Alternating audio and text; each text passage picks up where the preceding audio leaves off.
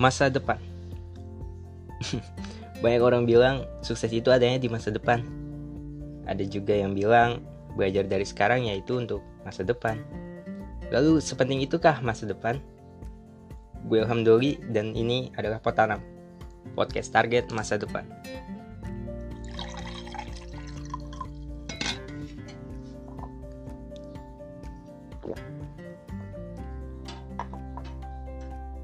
Oke, di podcast pertama gue ini gak afdol rasanya kalau kita nggak kenalan dulu. Kenalin, nama gue Alhamdulillah Mukti, Prodi Teknik Biomedis Angkatan 2021, Institut Teknologi Sumatera. Oke, kembali ke topik utama kita, rencana masa depan. Nah, berbicara soal masa depan, sadar nggak sadar kita telah menerima banyak pertanyaan nih soal yang apa yang akan kita lakukan di masa yang akan datang yang paling sederhana contohnya mungkin waktu kecil dulu kita sering ditanya, apa sih cita-cita kamu? Atau saat besar nanti kamu mau jadi apa?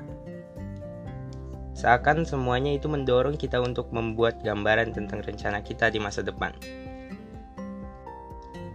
Awalnya gue kira masa depan bukan sesuatu yang harus direncanakan jauh sebelum itu. Dan jika lu semua nanya ke gue soal itu, gue akan jawab simpel. Ya, lihat nanti aja. Ternyata nggak sesederhana itu. Dan sekarang gue percaya rencana awal yang matang menghasilkan sesuatu yang manis di masa yang akan datang. Waktu berjalan begitu cepat. Nggak terasa sebentar lagi gue akan memasuki masa perkuliahan. Dan di masa perkuliahan gue nanti gue punya target untuk seenggaknya punya IP di atas 3,5 dan punya banyak relasi juga aktif dalam organisasi. Gue berharap dapat lancar di perkuliahan gue ini, gue ini dan lulus tepat waktu.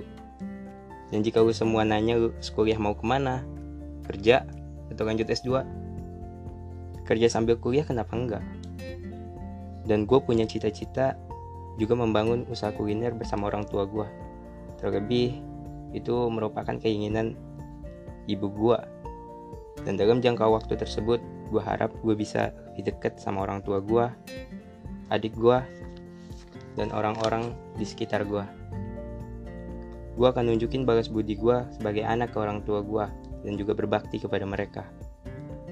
Dan dalam kurun waktu kurang lebih 8 tahun, gue berencana menikah dan punya keluarga kecil yang bahagia.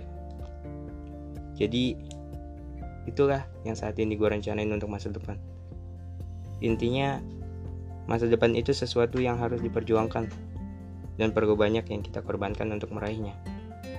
Memang sulit, tapi Allah menerangkan dalam Quran Surat Al-Insyirah, maka sesungguhnya bersama kesulitan ada kemudahan. Akhir kata, gue Alhamdulillah, sampai jumpa lagi.